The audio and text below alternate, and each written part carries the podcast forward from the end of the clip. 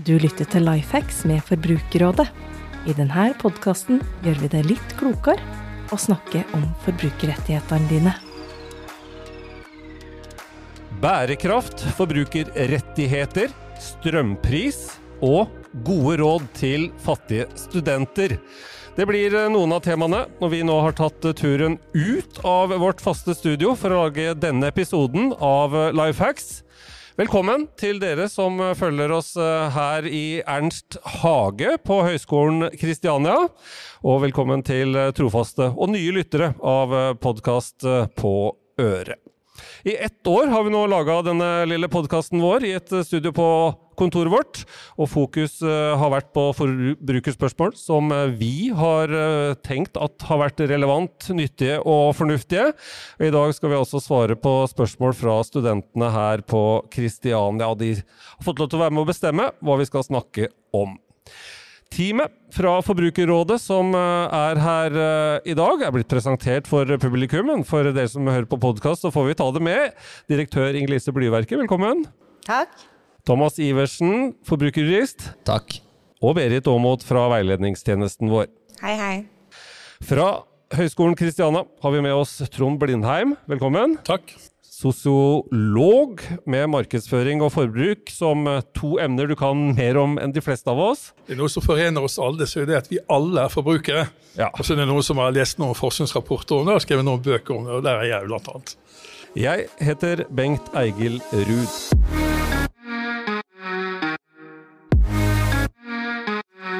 Ja, for å si først uh, til deg, da, Blindheim. Uh, vi må få takke for at vi får lov til å komme hit og bruke lokalet og hilse på studentene deres uh, til denne podkastepisoden.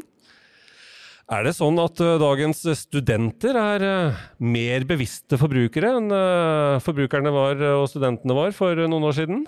Det kan virke slik. Jeg driver og veileder studenter som skriver både bacheloroppgaver og masteroppgaver. Og dette med bærekraft og klima det er kommet inn som et veldig populært tema å skrive om blant mange studenter. Akkurat nå har jeg da syv sånne veiledningsoppgaver, og to av de skriver om bærekraft og markedsføring. Og det er en positiv trend. Det er vel litt av det vi har sett også når vi har fått inn spørsmål her, Inger-Lise. Jeg vil se på deg med en gang, fordi at flere av spørsmåla dreier seg om bærekraft. Og vi er jo også opptatt av det. Hvordan bedrifter skal skape bærekraftige løsninger, mulighet for sirkulær økonomi.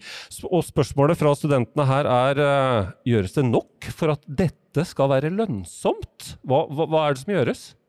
Ja, Det gjøres ikke nok. Det tenker jeg det, Den lille anklagen som ligger i det spørsmålet, tror jeg kan underskrive på. Jeg tror norske og for så vidt også internasjonale myndigheter kan gjøre mer for å sørge for at det er de bærekraftige forretningsmodellene som får litt ekstra drakraft. Det ble brukt begrepet sirkulærøkonomi, og det er et ganske nytt begrep egentlig, i hvert fall i, i mer eller mindre dagligtale. Vi er jo vant til at det er en lineær økonomi, hvor man rett og slett produserer noe, bruker det, og så kaster det. Mens en, en sirkulærøkonomisk tankegang handler jo om at alt går i et stort, stort kretsløp. Og det betyr jo også noe for forretningsmodeller. Kanskje noe av det aller enkleste som man kunne gjøre mer av, det var å bruke avgift avgiftspolitikken, altså momsen, til å gjøre noe av det vi ville ha mer av innenfor den sirkulærøkonomiske tankegangen, mer lønnsomt. Forbrukerrådet ønsker jo momsfritak på reparasjoner, kanskje starte der vi tror det er et størst potensial, altså hvitevarer som vi kaller det, for der finnes det på en måte et system allerede. Men også at det skal være eh, mindre moms på det å kjøpe og selge brukt, eh, og ikke minst eh, også det å leie og lease framfor å eie. Og her er det jo politikerne som sitter i førersetet, og det er de som har muligheten til å uh, sørge for at det blir mer attraktivt å tilby denne type virksomheter og denne type forretningsmodeller. Mm. Og disse studentene som er opptatt av bærekraft, de er også litt redd for at vi blir lurt. Og, og, og, det har jo også vi vært inne på med å dele ut Grønnvaskingsprisen uh, for et halvår uh, siden. hvordan skal vi vite at vi som forbrukere tar gode, bærekraftige valg? Det er kjempevanskelig. Eh, jeg mener at det er veldig veldig vanskelig, og det sier også norske forbrukere når vi spør dem, og det gjør vi jevnlig. Det er veldig mange forbrukere, ikke bare folk som er studenter og i 20-åra, men eh, egentlig alle aldersgrupper, så ønsker man å leve mer bærekraftig, mer miljøvennlig enn det man gjør i dag. Og så svarer man samtidig at man syns det er vanskelig å vite hva som er det riktigste eller det rette eh, bærekraftige valget. Og det er egentlig litt lurt da, at man faktisk har en sånn bevissthet om at det er ganske vanskelig. Fordi det er veldig mange virksomheter og bransjer og selskaper som ønsker å utnytte nettopp det. At vi ønsker å velge det miljøvennlige. Eh, og eh, utstyrer produktene og tjenestene sine eh, med ulike typer grønnvaskingsmekanismer, som er det vi mm, bruker å snakke om. Altså at man gjør noe grønnere eller mer miljøvennlig enn det egentlig er. Og det kan gjøres på en lang rekke måter. Det kan gjøres med noen, noen påstander foran og bak bak på pakningen, eller med rett og slett hvordan man velger å markedsføre det. Bare grønnfargen eh, blir ofte brukt på en god del produkter og tjenester for å gi oss inntrykk av det. Eh, og da er det veldig lett å bli lurt. Og når noe eh, fremstilles som mer miljøvennlig eller noe grønnere enn noe annet, så bør man i utgangspunktet være veldig skeptisk. Det fins jo noen merkeordninger som det er enklere å stole på enn andre. Det er ikke noen tvil om. F.eks. Svanen, Blomsten, Debio, Fairtrade gir, er anerkjente merkeordninger som man kan bruke for å skille ett produkt fra et annet. Og en god del virksomheter er f.eks. også miljøfyrtårnsertifisert. Når man skal ut i arbeidslivet, så er jo det noe man kan eh, for så vidt eh, etterspørre. Eh, men her er det nok potensial for å gjøre det mye enklere for oss forbrukere å være tryggere på å ta det miljøvennlige valget når vi først skal anskaffe oss ting, da. Mm. Er det sånn, Blindheim, at det er viktig for bedrifter å ha et sånt grønt stempel, og så, så, så, skryter de kanskje på seg litt mer mens de jobber med å bli det? Ja, det er helt riktig. Og vi ser daglige eksempler på det. Men det er et paradoks her, og det er jo det at politikerne vil gjerne ha økonomisk vekst. Eh, industrien vil gjerne produsere mer, handel vil gjerne selge mer, og forbrukeren vil gjerne kjøpe mer, viser slike forbrukerundersøkelser. Og det er jo på en måte i strid med det som er FNs eh, klimamål. da, Og at forbruket må ned dersom vi skal nå liksom, klimamålet som vi har satt oss. da. Vi skal over til et par uh, spørsmål fra studenter som er uh, litt i gata for rettigheter. Se på deg, Berit, som er veiledningstjenesten vår, og som er vant til å svare på den typen spørsmål.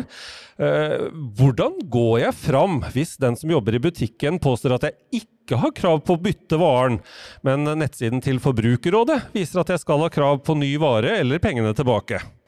Ja, da er det veldig viktig at vi skiller mellom en feilfri vare og en vare det er noe galt med. For hvis det er en feilfri vare, så vil det gjerne stå på kvitteringen eller lignende om man kan bytte den, fordi da er det butikkens eh, regler rett og slett som gjelder. Men hvis det er noe galt med varen, ja da har du rett på å få den fikset eller få en ny vare. Og hvis den som står i kassa sier nei og ikke vil gi deg det du har rett på, så vil jeg anbefale først å si at du vil snakke med noen andre i butikken, eventuelt en sjef. Eh, og vi råder jo veldig ofte da forbrukerne til å skrive en skriftlig klage i etterkant for å faktisk eh, få dokumentert også den klagen, og det gir ofte nok punch til at man får rettigheten igjennom. Mm. For, for, hvis det er noe galt, så har du rettigheter? Da har du mange rettigheter. Eh, reparere, ny vare, og eventuelt også pengene tilbake hvis eh, den er i en så dårlig stand at eh, den ikke kan repareres og de ikke har en ny, f.eks. Mm. Greit å vite. Og så snakker Forbrukerrådet ofte om kortreklamasjon. Det anbefales at man kjøper f.eks. reiser med kort, så man får en eh, slags forsikring med der. Men hvordan får jeg da penger tilbake hvis jeg har krav på det? Ja, når du handler med kort, så får du da samme rettigheter overfor kortutstederen som det du har overfor den du har kjøpt varen eller tjenesten fra. Så hvis du egentlig har krav på penger fra en selger av en vare eller tjeneste, så kan du også kreve de pengene tilbake igjen fra banken. Eh, og hvis du behandler med kredittkort, så følger den rettigheten av finansavtaleloven. Eh, mens med andre debutkort så er det gjennom kortavtalen. Men eh, det er jo da klart at dette er en kjempelur rettighet i de tilfellene hvor du enten opplever at selgeren har gått konkurs, vi anbefaler jo mange av forbrukerne å bruke dette når man har fått flyet sitt innstilt og ikke får pengene tilbake fra flyselskapet, eller selskaper som er under avvikling. Eh, og gjerne også der hvor vi opplever at forbrukerne har problemer med å komme i kontakt med selger av en tjeneste. Vi opplever ofte Blindheim, at uh, dette med kortreklamasjon ikke virker helt kjent. Er det noe du kjenner fra markedsføring og bedriftsperspektivet? Det er også noe som bedriftene reklamerer med, at den rettigheten den har vi, den tar vi vare på. Så kommer det til stykket, og så blir alt veldig vanskelig. Og eh, det er gjerne din egen skyld. Og så er eh, studentene opptatt av uh, hvordan det er mulig å spare penger, og hvordan få de pengene som finnes til å vare så lenge som mulig. Og, og først, Thomas, du sa du har jobba en del med, med strøm. Er det sånn at du også kan gi gode tips til hvordan vi får billigst strøm? Ja, det kan jeg. Og jeg pleier å si at eh, strøm er strøm. Det vil si at det som kommer ut av stikkontakten din er eh, like bra, uansett om det kommer fra en billig eller dyr leverandør. Så hvorfor skal man egentlig da ha en dyr leverandør? Så det starter med å finne ut uh, hva du betaler for strømmen din i dag. Det står på regninga di. Og hvis du leier inkludert strøm, typisk at huseieren da, som du leier hos, uh, viderefakturerer deg, så er det ingenting i veien for at du kan finne ut hvor mye han betaler heller, ved å bare spørre om å se fakturaen. Men hvordan finner du da billigst mulig strøm? Veldig enkelt. Gå inn på strømpris.no. Der kan du fylle ut uh, forbruket ditt og hvordan du bor, og hvor du bor. Og da får du opp en liste over de billigste og, og avtalene som finnes akkurat da. Og de er også sortert etter eh, prisvarighet. Så da er det god mulighet til å finne seg en ny og billig avtale, og det koster ingenting å bytte. Men eh, vi må følge med, må vi ikke det? For det er ikke det litt av eh, trikset? At det, disse kan endres, eh, sånn at du må liksom være obs på det? Jo, det er helt riktig. Og mange strømavtaler er jo kjent for å ha en veldig god pris i starten, og så tikker de sakte, men sikkert oppover, sånn at de blir dyre og, og dårlige. Så her gjelder det å følge med. Selskapet skal varsle deg direkte hvis de øker prisen. Det skal komme på, direkte til deg på en e-post eller en SMS. Og når du får det varselet, da må det gå en liten alarm i huet, og inn på strømpris igjen. Sjekke om eh, avtalen fortsatt er konkurransedyktig. Men hvis du velger en avtale med prisvarighet, f.eks. 12 eller 24 måneder, så er prisen, altså de faste prispåslagene, det den er hele den perioden. Da kan du være trygg. Mm. Andre sparetips da, til uh, fattige studenter? Ingelise, har har du noe i, i bakhånd? jeg veit ikke men jeg, er bedre til å spare enn det studentene sjøl er. Jeg tror de veit ganske godt uh, hvor krevende det er, så jeg skal være liksom forsiktig med det. Men det, det, det er jo liksom noe som er uh, kjedelig, men viktig, da. Og det er jo rett og slett å ha Det gjelder oss alle, egentlig. Det er oversikt over hva vi bruker pengene våre på. Så det å gidde å se litt bakover i tid, da, eh, hvis man ikke alltid har vært den snusfornuftige typen og, og laget budsjetter, men, men, se litt bakover i tid på hva er det man faktisk de siste par månedene har brukt penger på. Uh, for det er noen ganger litt overraskelser der. Man tror man vet uh, hva man har brukt på, men det kan hende at det ligger noen muligheter der til å styre pengebruken sin noe mer. Uh, og så er det jo blitt uh, et helt annet fokus også på koblingen mellom det å leve bærekraftig og det å leve billig, bl.a. knytta til matsvinn. Uh, og der har det skjedd mye på ganske få år. Ikke minst er jo matvarebutikkene mye flinkere enn de var før til faktisk å tilrettelegge for at du kan få kjøpt matvarer veldig rimelig, som er i ferd med å gå ut på dato. og det er jo rett og slett å, å gå ut på skattejakt der, vil kunne i hvert fall få ned matbudsjettet noe, da. Vi fikk en e-post uh, rett før vi gikk her. Rakk vi å se på den, uh, Berit? Håkon lurer på hvordan uh, forbrukerrettighetene våre er med tanke på leveringstjenester som Volt og Foodora. Det er kanskje en del som kjenner seg igjen i det og lurer på hva de har rett på hvis ting ikke er helt som det skal? Ja, altså det er også underlagt forbrukerrettighetene, som alt annet som vi har snakket om her. Og eh, en forbrukertjeneste er akkurat eh, underlagt avtalen. Du skal få det du har avtalt, både når det gjelder hvordan maten er, eh, og at den kommer i tide. Og det er klart at hvis den blir veldig forsinket, om Foodora har syklet feil, om det skulle være, eller andre ting, eh, og det f.eks. resulterer i at maten da har blitt kald innen den kommer frem, så kan det gi rett på eh, et prisavslag. Mm. Og så er det noen som er opptatt av, eh, selvfølgelig, på en skole hvor det er eh, markedsføring og en del som starter opp egne bedrifter og sånt. Eh, hva, hva skal de tenke på? Hva vil Forbrukerrådet at de skal være obs på, Thomas, når det gjelder å ta hensyn til forbrukere og hvilke rettigheter som de rett og slett må bare vite at det har de som de selger til? Det er viktig å huske på at når du starter en, eh, en egen virksomhet, og, og, allerede før du sender ut første reklamen eller uh, selger første varen eller tjenesten, så må du sette deg litt inn i hvilke lover og regler som gjelder på området.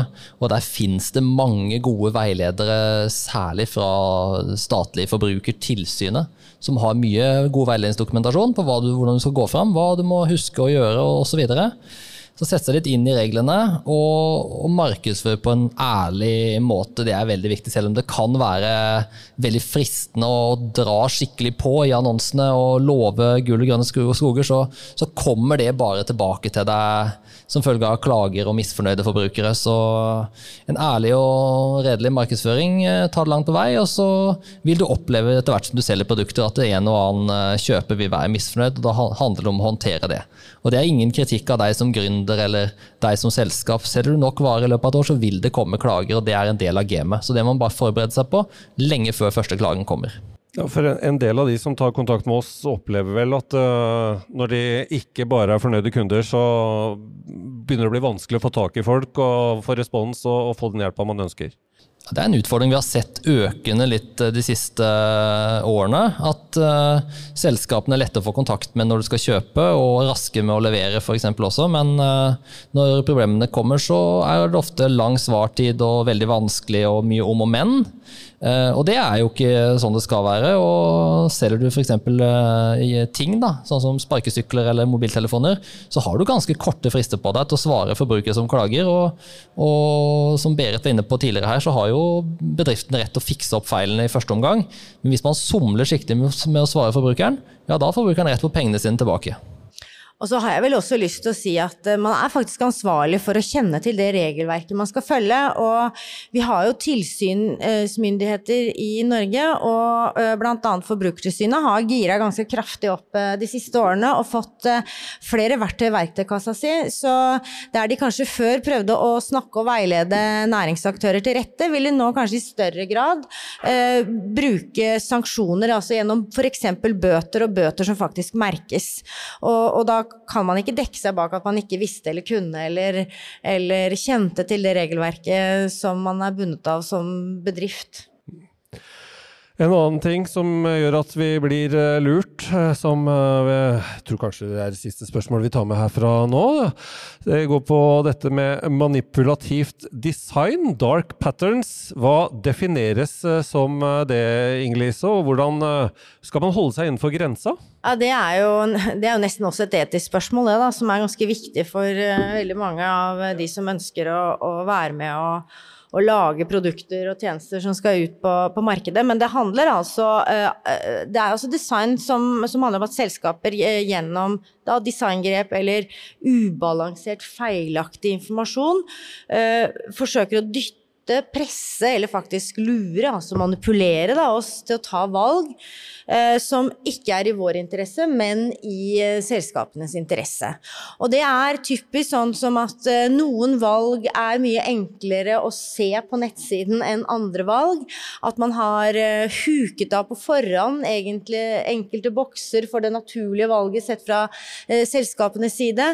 Det er også å sørge for å skape et visst eh, tidspress eller på annen måte skape stress i eh, situasjonen for oss forbrukere, sånn som at eh, det er bare to hotellrom igjen, eller dette har tusen andre gjort før deg, så dette liksom er det naturlige valget. Her skjer det en hel lang rekke ulike måter å gjøre det på, som begynner etter hvert å få større oppmerksomhet, men som det fremdeles er noen mangler både hva gjelder selve regelverket og ikke minst håndhevingen betydningen av det.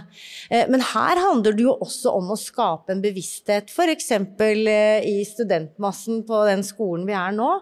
Eh, for det er også noe man må liksom gjøre opp med seg sjøl også, da, hvis man er på den siden av bordet.